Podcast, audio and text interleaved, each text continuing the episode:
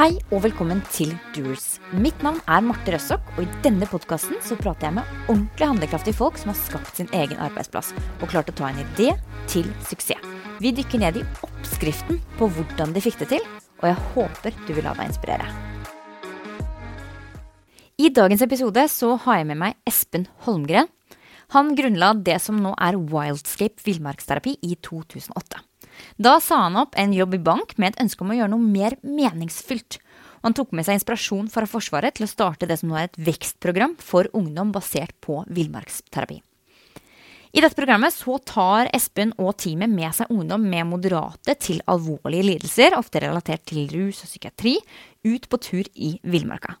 Og dette viser seg å ha en fantastisk effekt for mange som ikke har fått den hjelpen de trenger gjennom tradisjonell og institusjonell behandling. I episoden så snakker vi om hvordan Espen startet dette her, hvilke utfordringer han har møtt på veien, og hans beste tips til andre som ønsker å starte noe for seg selv.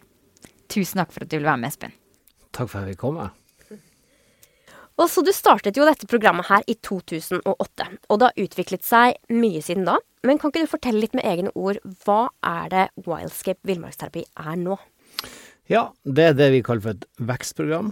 Eh, vi kaller det ikke for et behandlingsprogram, for det kan høres så skummelt ut, og det tar utgangspunkt i at eh, noen har en sykdom som må behandles, men vi kaller det for vekst.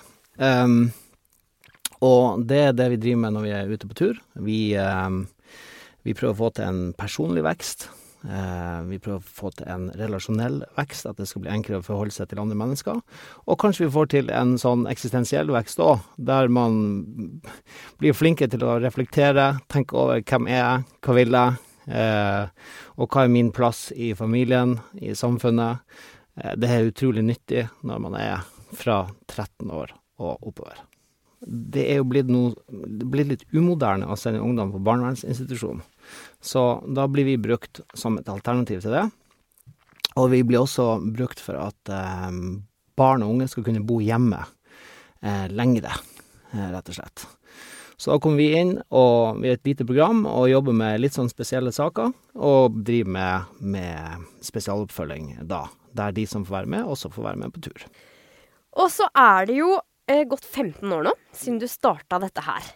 Og det har vært en reise før du begynte på dette her, så var du på et litt annet sted. Kan ikke du fortelle litt om deg selv før du starta, og hva som drev deg til å starte Wildscape? Ja, jeg er oppvokst i Finnmark, da. Eh, ikke så langt fra 71 grader nord. Tre mil fra 71 grader nord, så jeg har liksom vokst opp i naturen. Og eh, derfor så søkte jeg meg også inn i Forsvaret. En klassisk eh, infanterist så jeg trives eh, med å ligge i eh, grøfta, eller i, i myra, eller i krattet. Eh, så gjorde jeg det i noen år. Så fikk jeg en skade som gjorde at jeg måtte slutte.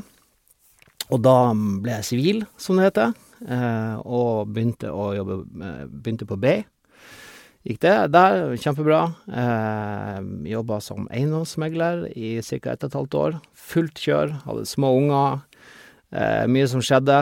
Eh, det var ikke bare bare, men, men, egentlig gøy å se tilbake på at man har gjort det. Men jeg fant ut jeg ville gjøre på en måte trappen ned der, så da begynte jeg å jobbe som finansrådgiver. Og da begynte det egentlig å gå nedover, fordi at da savna jeg Forsvaret veldig. Og jeg syns de store systemene var var eh, litt meningsløs, rett og slett. Jeg savna å være ute. Jeg savna å få brukt kroppen min. Jeg er ganske urolig. Jeg har ganske mye trøkk i kroppen, så jeg var nødt til å få det der ut på et vis. Og så var det sånn i, i, i Forsvaret, så Det var vel en av de her psykologene som sa at når Reformen 94 kom, så skjedde det noe med psyken til, til mange ungdommer. Så veldig mange ungdommer kunne ikke fullføre førstegangstjenesten på grunn av at man hadde psykiske problemer. Og det var ganske nytt i Forsvaret, for før prøvde man jo å fake ikke sant, at man hadde problemer for å slippe. Mens nå er det sånn at man faktisk ikke kom inn, fordi at man ikke var sterk nok til å klare det. Og jeg så at flere av dem som måtte reise hjem, var på en måte dem som hadde hatt best utnytte, eh, utbytte av å være der.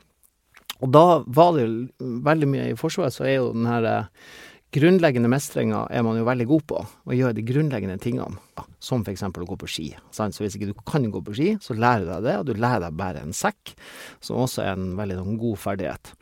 Så da, allerede i 2000, så sa jeg at det er synd at veldig mange ikke får eh, Altså, Forsvaret skulle på en måte ikke være den her eh, oppdrageren lenger i, som den var før i Norge.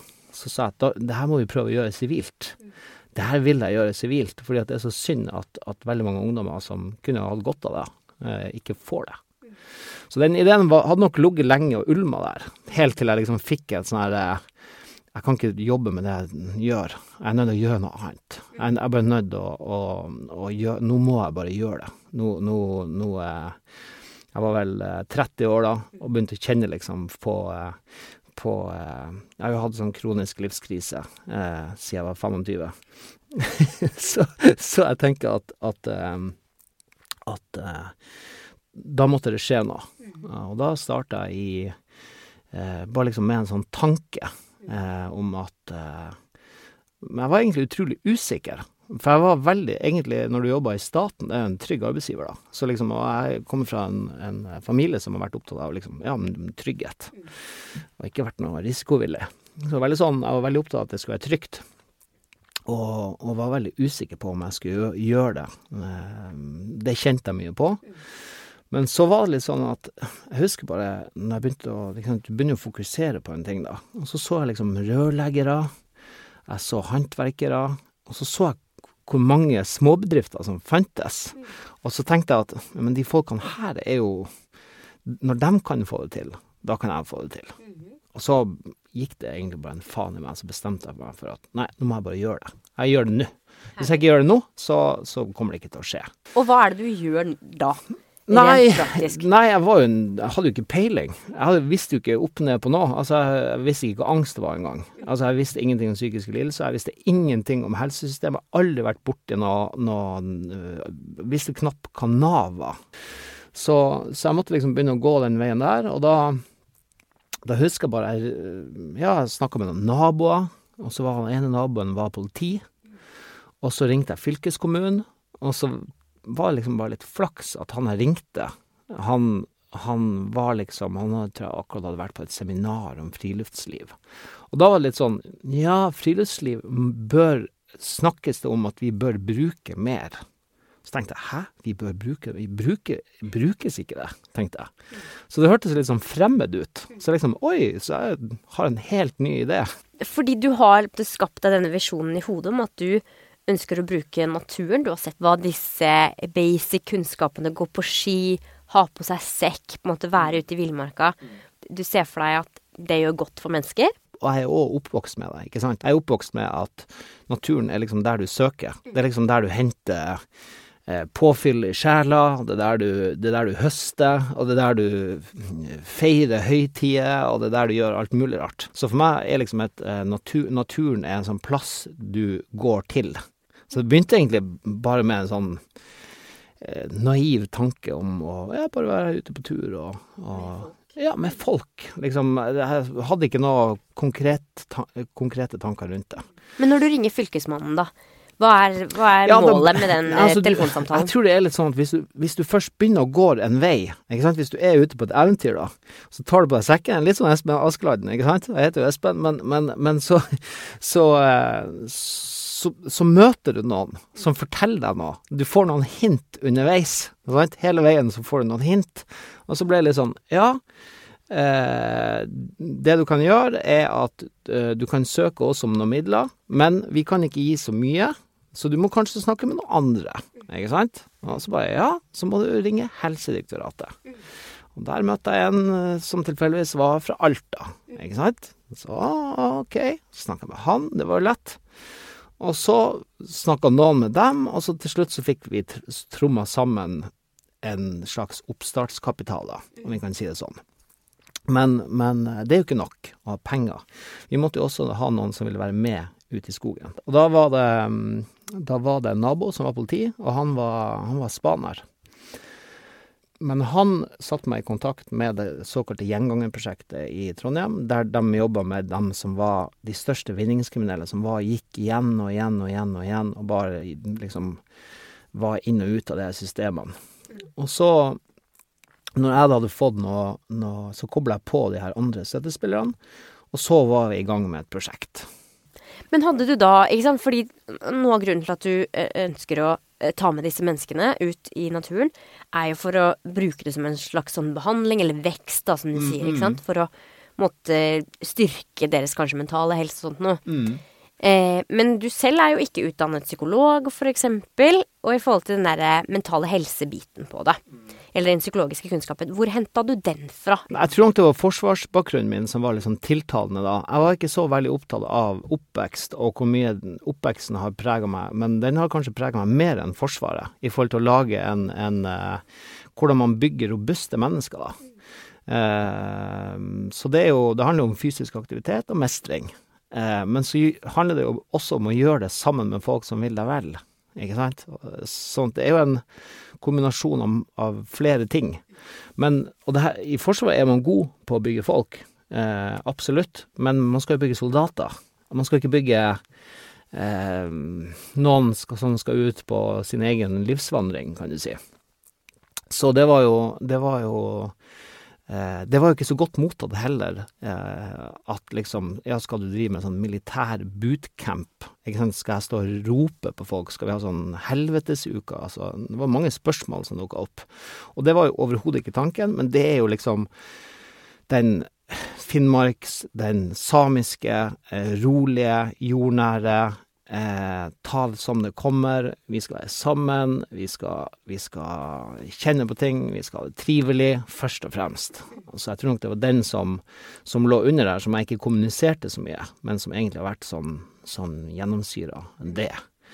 Og så etter hvert så, så eh, kom jo opp spørsmålet om at jeg ikke hadde eh, en faglig bakgrunn, og da fikk jeg med, eh, ringte jeg en som heter Trond Haug, en militærpsykolog, og han var med meg med en gang. Og så sier jeg du må forklare meg hva angst er. For det her var jo også i, i eh, Det er jo 15 år siden, og for 15 år siden så var ikke det så vanlig å snakke om angst.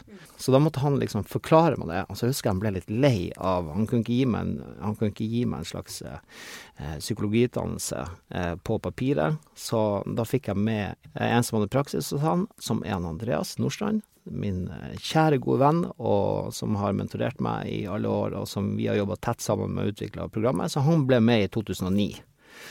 Og han har jo da doktorgrad i traumatisk vekst.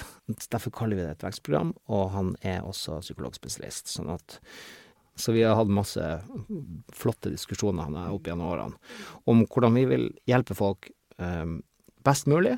Og så har det blitt en slags mani i å på en måte skape vekst, mental vekst, eh, kjappest mulig og sånn. Og hvordan kan man kjappest mulig få det her til? Så fra starten her, for du sier Du får med deg Andreas. Han er psykologspesialist. Og så eh, Du snakker med Fylkesmannen, de kan gi noen midler. Mm. helt- snakker med Helsedirektoratet, som kanskje kan være med å støtte på noen måte. Ja. Og så har du en nabo som er politi, Ja. eh, som har noen innsatte. Ja, og så får jeg tak i noe eh, materiell fra Forsvaret, så jeg fyller garasjen, og så ringer jeg Drytech, og er oppe i Tromsø. Så bestilte jeg en pall med real turmat. Så hadde jeg liksom Altså målet var at de her folkene som satt i fengsel, når de slapp løs, så skulle de eh, Så skulle de egentlig bare komme i trusa. Og så skulle vi ha alt av utstyr, og vi skulle ha alt klart. Og så har du med deg disse her ut på første tur. Mm. Hvordan er den turen? Det som var litt morsomt da, det var at jeg fikk penger av røykesluttbudsjettet til Helsedirektoratet. Så kravet var at jeg måtte drive røyke- og snussluttekurs i skogen på den første turen. Og det som var enda morsommere, var at jeg snusa jo en og en halv boks snus. Eh, Som dreven infanterist så snusa jeg jo veldig mye. Eh, Så jeg måtte slutte å snuse eh, før jeg skulle på den første turen. Og så dro jeg ut, dro vi ut på tur, og så hadde jeg da kurs for de her eh, ikke så veldig skoleflinke guttene i det.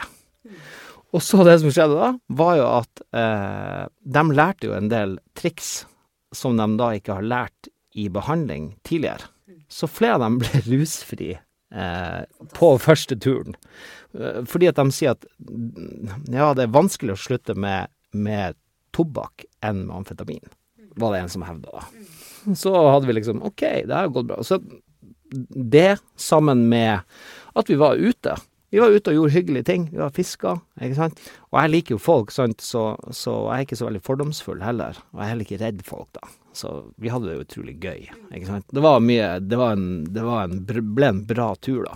Og det ble en godt kameratskap der også, som vi bygde videre på. Og så holder dere på med disse turene en stund Mm. med de innsatte for dette programmet som heter Gjengangeren. Og så vet jeg jo at opprinnelig så var jo noe av din versjon var jo helt unge mennesker. Ja, og det var, det var fordi at Andreas eh, og forskninga på villmannsterapi eh, fra USA sier at eh, eh, villmannsterapi har best effekt på unge mennesker. Eh, spesielt dem med atferdsproblemer, og dem som trenger eh, eh, omsorg. Eh, omsorgstiltak, som man sier i barnevernet. Da. Så mm, det var egentlig Forskninga var veldig tydelig der, men vi lærte jo utrolig mye av å jobbe med de her voksne, som hadde mye større problemer enn en 14-åring, kan du si. Som på en måte har hatt problemer i 30 år, da. Så en helt annen eh, different ballgame, for å si det sånn. Men så, i 2012, så ble jeg litt lei av det kommunale systemet, for det er litt sånn Jeg er litt utålmodig som person. Eh, så jeg ble litt lei av det, og så, og så eh, tror jeg mange som jobber i Det er stor slitasje på mange som jobber i det offentlige, så man kan få litt dårlig menneskesyn etter hvert. Så jeg likte ikke alltid at noen liksom var litt sånn eh, De var ikke så optimistiske på vegne av de her eh, folkene vi jobba med, da. Og det syns jeg var litt sånn eh, traust. Altså, jeg er en optimistisk person, jeg har et godt menneskesyn, og jeg tror at alle kan eh, få et bedre liv. Eh, uansett hvor dårlig det er, på en måte. Så, så det er mitt utgangspunkt, da. Så da la jeg egentlig ned prosjektet i 2012. Så tenkte jeg at nei, det her orker jeg ikke mer. Jeg, jeg var så lei av å gå liksom eh, skrive søknad til det offentlige, ha møter, og jeg måtte dra på konferanser og snakke om tur. Så det var veldig mye som ikke handla om å dra ut på tur. Og så sa jeg bare at nei, vet du hva, jeg er altfor lite på tur. Det er altfor lite fokus på praksis. I Forsvaret så kalte vi det for ADM, ikke sant. Og det er altfor mye konferanser og prat og surr. Og det kommer ikke den som trenger hjelp, til gode. Så jeg la den ned, og så gikk det bare noen dager, så ringte det en familie fra Asker som sa ja, vi har en sønn, han har ikke vært på skolen på to år, kan han få være med på tur? Så sa jeg nei, det ja, gjerne, men nei, det går ikke. Hva var situasjonen her? Vet du hvordan de hadde funnet deg? Jeg kan tenke meg den håpløsheten disse foreldrene føler på. Ja, nei, jeg vet ikke. Jeg har ikke peiling. Eh, de ringte bare. Eh, vi hadde jo en nettside, så det kan hende at han fant oss på nett. De ringte, og så sa han at han kunne finansiere det sjøl.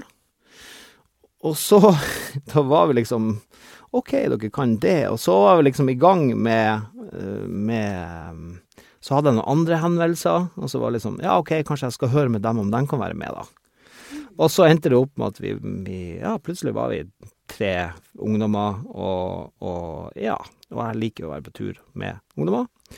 Så da dro vi ut. Og så gikk det kjempebra med dem. Og så begynte han på skolen, og så husker jeg de ringte fra Asker og liksom lurte på hva slags metodikk vi brukte. Eh, og da, sant, det var jo, jeg tror jeg ga meg litt sånn samisk eh, svar, for jeg sa det er en veldig bra metodikk. ja. Og så begynte vi å snakke litt om, om villmannsterapi. Men, men eh, det er jo ganske mye som skjer i et sånt program. Så det er veldig vanskelig å si at liksom, vi gjør én ting. Vi gjør utrolig mange ting. Så da var vi liksom i gang igjen. Og da begynte det å pakke på seg der òg med, med Egentlig vi fikk mange private henvendelser fra folk som liksom Ja, både velstående folk, men også vanlige folk som liksom vi har jo et gratis system i Norge som, som eh, ikke klarer å hjelpe alle. Eh, og da opplevde vi at, at eh, mange er villige til å, å ordne, prøve å ordne opp i det sjøl, da. Og det syns jeg var veldig ok, for det var mye mer ok å jobbe direkte med foreldre, at vi slapp det kommunale mellomleddet. og så gjorde vi det fram til ca. 2015. så det var vel en tre-fire år der vi bare jobba med private.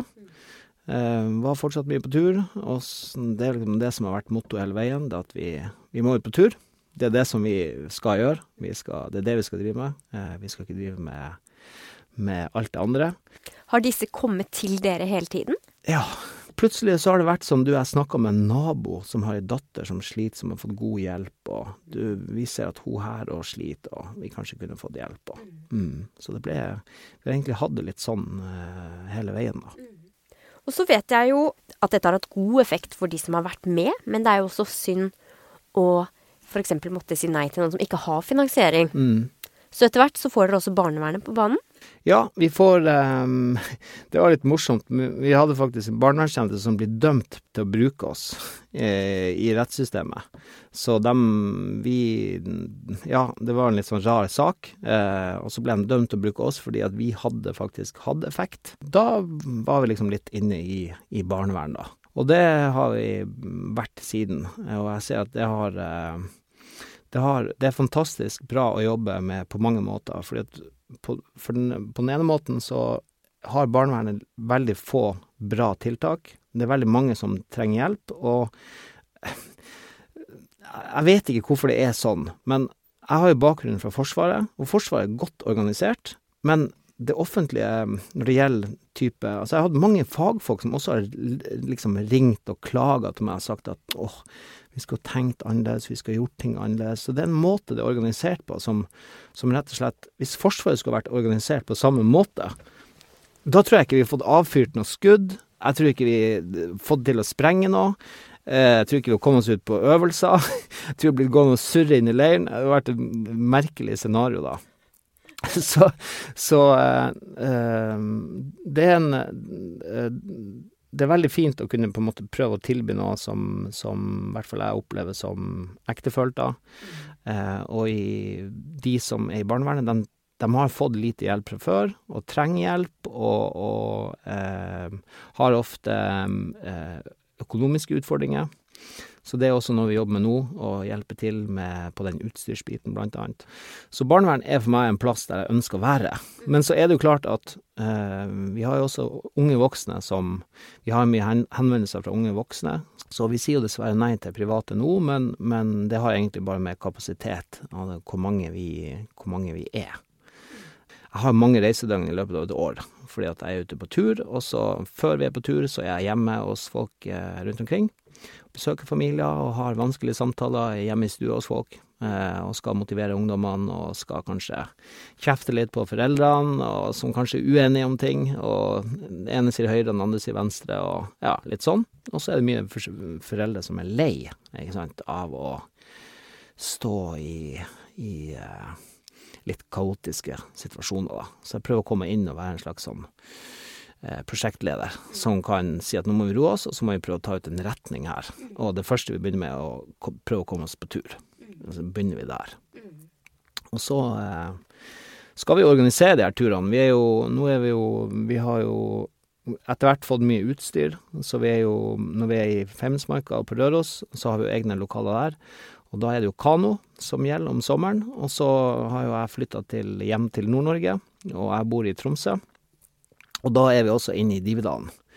Eh, så der har vi også et lager. Eh, og nå hadde vi også første gjennomføring gjennom, hjemme i Finnmark, så det var veldig milepæl nå den siste turen vi hadde i november. Det var der. Men det er jo fantastisk hva du har bygget opp. Og nå, som jeg nevnte innledningsvis også, så runder dere ca. 1000 døgn ute. Så du noen gang for deg, når du satt i bankjobben din og drodla på denne ideen her, hvordan det skulle bli? Ehm, det jeg ikke så for meg, er hvor fantastisk givende det skulle bli. Eh, og for et eh, utrolig privilegert liv eh, jeg lever, med tanke på gode opplevelser. Jeg har utrolig mye glede i livet. Og det, kom, det tror jeg kommer av to ting. Det ene er at det er vanskelig å drive med villmannsterapi. Og det er vanskelig å gjøre en god jobb, fordi at dem vi jobber med, trenger å jobbes med.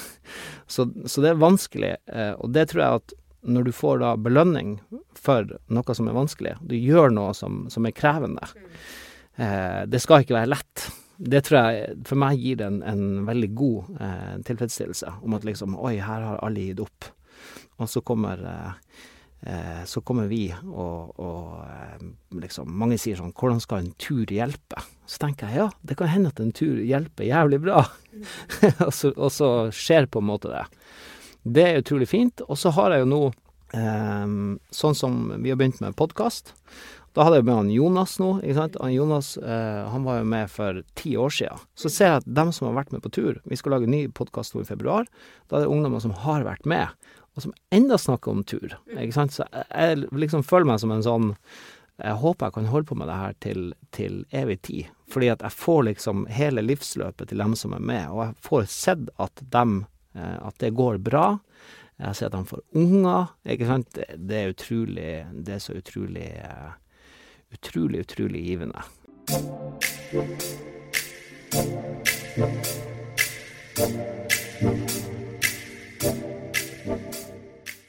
Da har vi jo snakket oss litt gjennom hva som har vært oppskriften din på å starte opp Wildscape, helt fra du får en slags eksistensiell krise i den bankjobben du var i, som virkelig setter fart på drømmen om å bruke naturen og verdien av det å være ute i naturen til å hjelpe folk.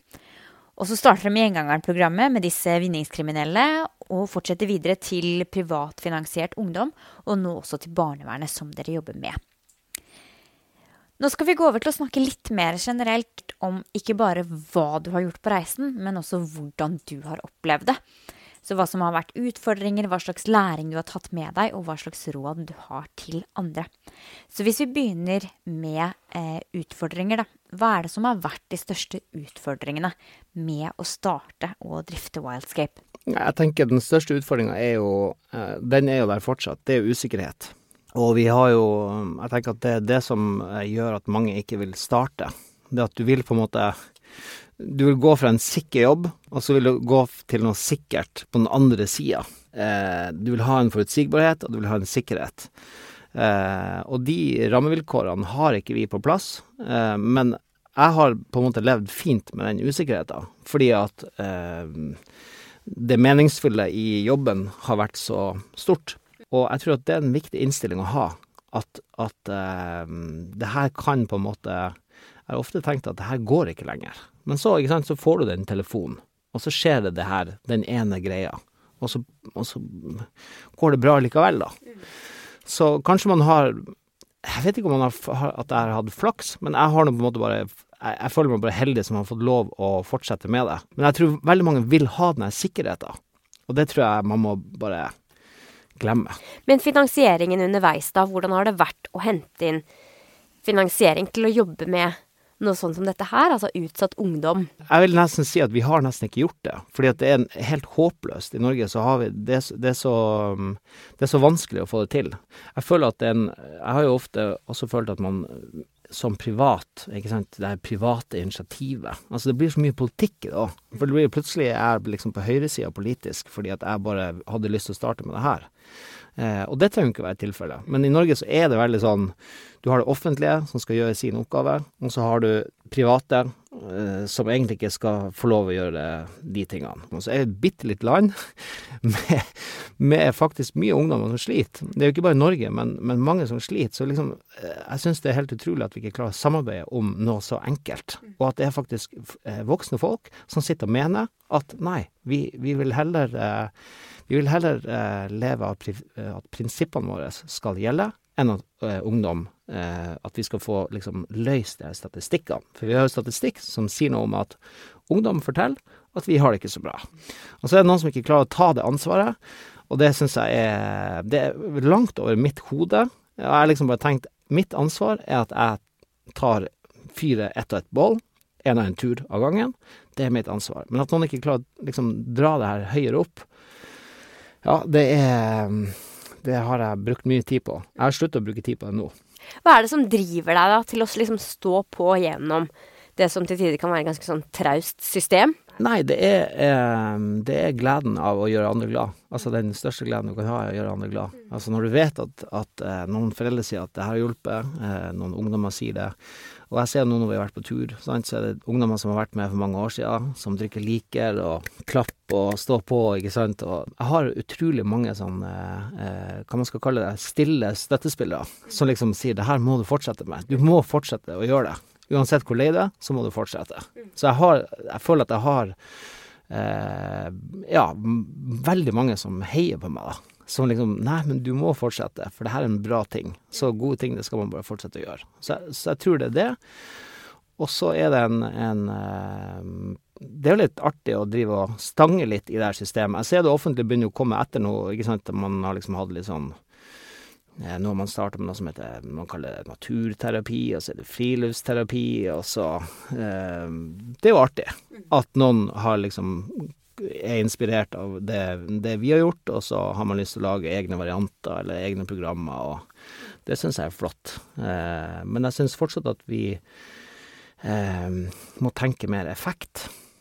Barne- og ungdomspsykiatrien er litt gammeldags. Eh, det mye av det er laga av, av eh, hvis jeg skal være litt slem, da, tyske universitet på 1800-tallet, ikke sant. Så TikTok-generasjonen, det må litt til. Det må litt mer til enn tørr teori for å, å kunne hjelpe TikTok-generasjonen. Og der eh, tenker jeg at i hvert fall eh, sånn som når jeg begynte å innføre mer av det samiske i programmet, så tenkte jeg vet du hva, det her skal bli mye mer spennende enn det mest spennende dataspillet de guttene her, eh, eller jentene sitter og spiller. Og hva var det du innførte da, når du sier du innførte litt mer av det Nei, altså mer samisk mytologi. Eh, litt mer sånn eh, Ja, fortelle litt eh, skumle historier rundt bålet. Fortelle om stalloen og, og eh, kanskje ha litt sånn spirituelle perspektiv. Jeg merker jo at mange ungdommer ønsker liksom å snakke om en del sånn eksistensielle eh, spirituelle ting uten at det trenger å være en viss eh, vi, vi, er jo på en måte eh, nøytrale der. Så, så, vi kan på en måte sitte, og undres veldig mye. Og, og, naturen er et nøytralt sted å, å diskutere det, da. Så der syns jeg det samiske er veldig fint å ha i ryggen, fordi at det er en Det er, en, eh, det er mer sånn nøytralt livssyn, tanke bak.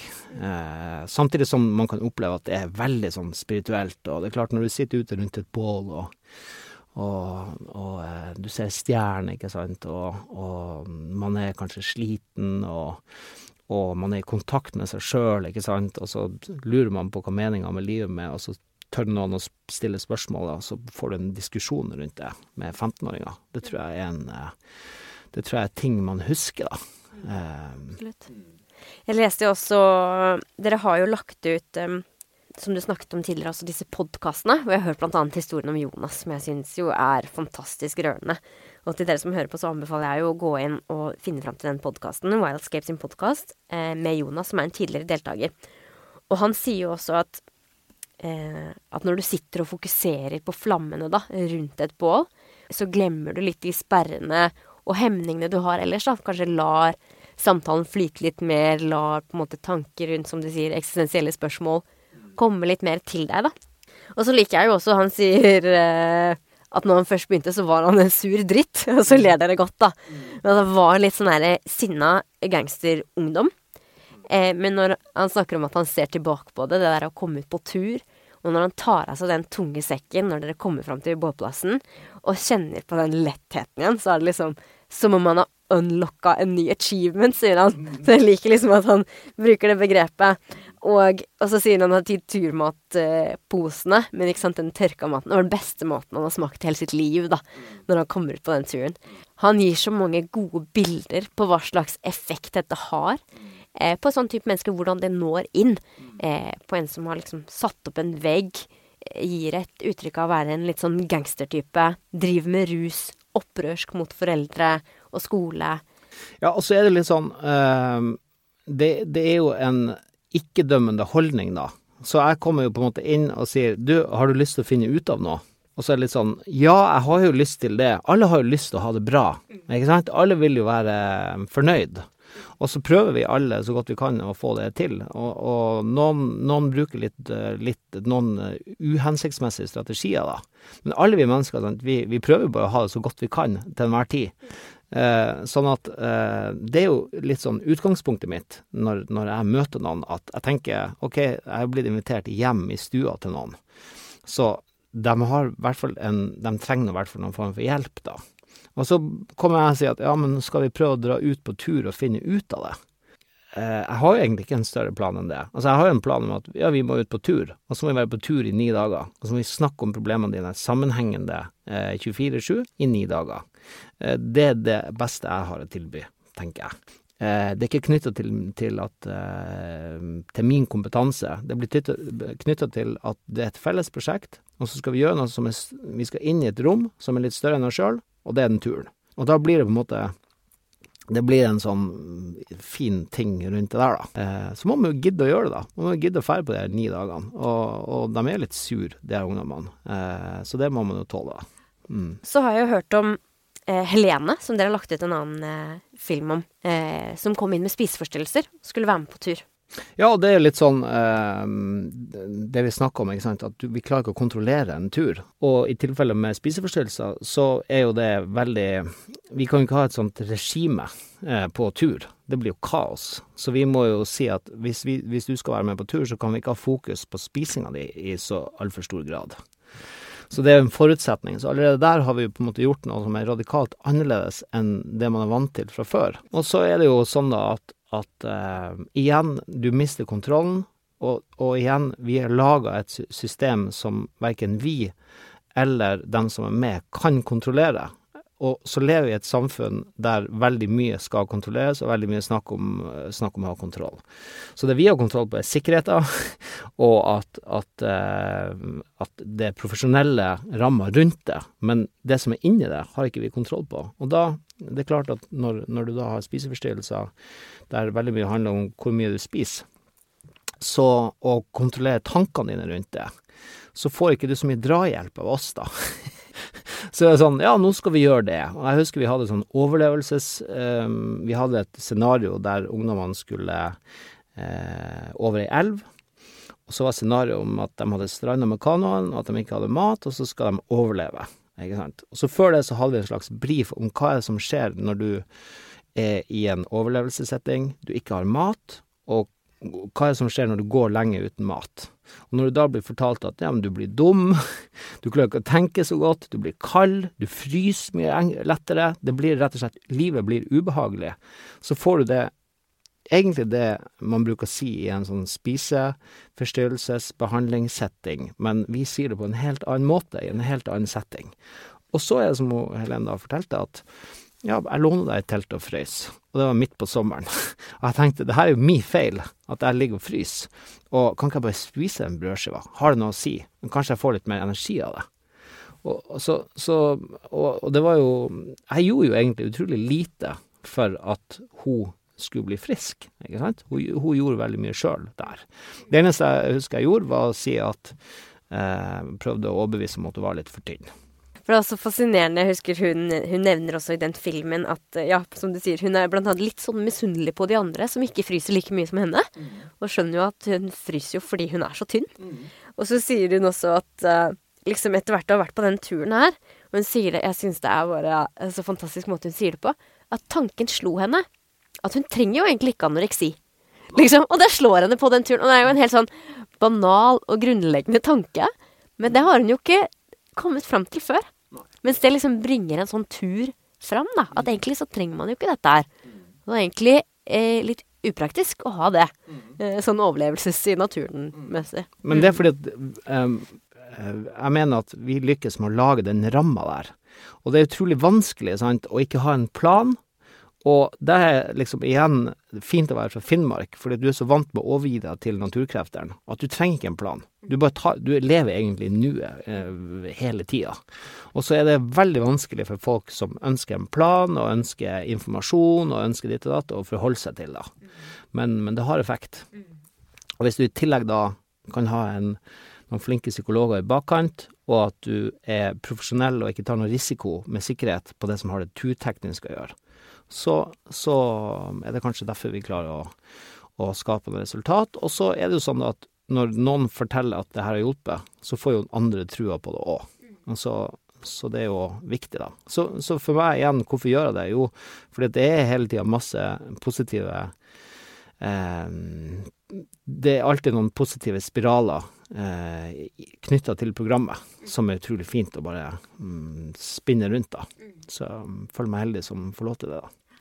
Men hvilke egenskaper er det som skal til, eller hvilke egenskaper er det du har som har gjort at du har klart å sette opp dette programmet og få den suksessen det har, og få den effekten det faktisk har? Ja, det er jo litt, det er litt sånn stort spørsmål, men jeg tenker jo at um, du lærer deg noen ting etter hvert. Og så som, Jeg vil jo på en måte unngå å, til, å gå tilbake til uh, meningsløsheten, da. Så det har jo vært en uh, sterk faktor for meg at, at liksom uh, Jeg vil bort fra noe, og så vil jeg holde meg i villmarksterapiverden. Jeg vil være i den, jeg vil ikke bort fra den. Og det er jo en sterk motivasjon. Og så etter hvert så lærer du deg eh, en del ting som må til for å, å på en måte ha, holde trykket oppe. I begynnelsen så kasta jeg bort veldig mye tid eh, på surr, eh, og leste mye bøker og rapporter, ikke sant, og, og levde egentlig litt som en sånn akademiker.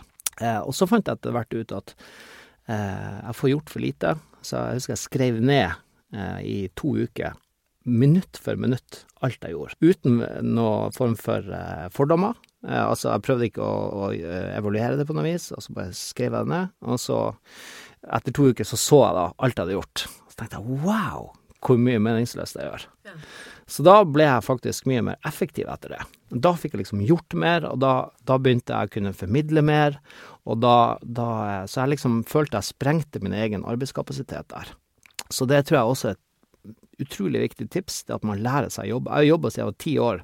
Jeg begynte å skjære torsketunge og gikk med aviser, ikke sant, så, så, at man har den driven inni seg til å faktisk Man har en slags motor, da. Men, eh, men eh, for min del så, så har jeg i hvert fall funnet ut at når jeg kan øke min egen arbeidskapasitet, så er det en veldig sånn sterk motivasjon. Fordi at du, du, eh, du lærer at grensen i deg dem, dem er egentlig litt uendelige. Man må kunne tvinge seg gjennom en del sånn ekle, vanskelige, krevende utviklingstrinn hele tida. Og det merker jo jeg også, at jeg får jo liksom nye utfordringer hele tida. Så det, det, å lære seg å jobbe, det, det er viktig. Og, og det er også struktur viktig. Altså, det er noe banalt med liste, ikke sant, og, og fargekoding, og jeg har en veldig struktur for det veldig mange store felt, ikke sant, den menneskelige psyken, og, mm. og eh, arrangere en tur med mange personer, ikke sant, og det er mange problemer, og det skal journalføres, og der har jeg en ganske stor eh, kapasitet. Men den er også trent opp, da. Um, så det, det, tror jeg er viktig. Og så tror jeg det er viktig å, å uh, jeg opplever jo sant at mange, det er mange som ringer meg, så litt sånn Ja, jeg kunne tenkt meg å gjort noe annet, men jeg kunne ikke tenkt meg ubehaget med å gjort noe annet. Mm. Så du, vil liksom ha i pose og sekk, da. Og det tror jeg eh, man må glemme litt. At man må på en måte ha, føle at eh, ja, du må få litt angst av det. Du er nødt til å kjenne litt på det. Du er nødt til å kjenne at det her kommer til å bli litt jævlig. Og det kan gå helt åt skogen. Og den risikoen må jeg være verdt å ta. Og så har jeg, prøver man å bli flinkere og be om hjelp.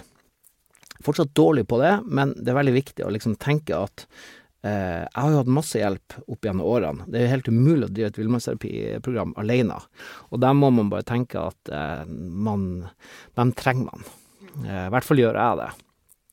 Eh, og så har jeg lært meg etter hvert å stole litt mer på at eh, det som har med strategi og taktikk, da, det, det, tror jeg kanskje jeg er den som er best på når det gjelder villmannsterapi. Og før så hadde jeg veldig mye sånn rådgivere som hadde gode intensjoner, men, men som også kanskje hadde litt vage intensjoner. Mye nysgjerrigpærer og, og litt forskjellig som har lyst til å hjelpe, men så ender det med at man ikke klarer å få en forløsning ut av det, og så ender det bare opp med at man har kasta bort tid. Så der ville jeg vært veldig sånn hvis jeg skal starte på nytt, så ville jeg vært mer nøye med hvem jeg bruker tida på. Og så er jeg jo en litt sånn fyr som liker å snakke med folk, da. Så man må kanskje bremse litt i en sånn uh, setting, da.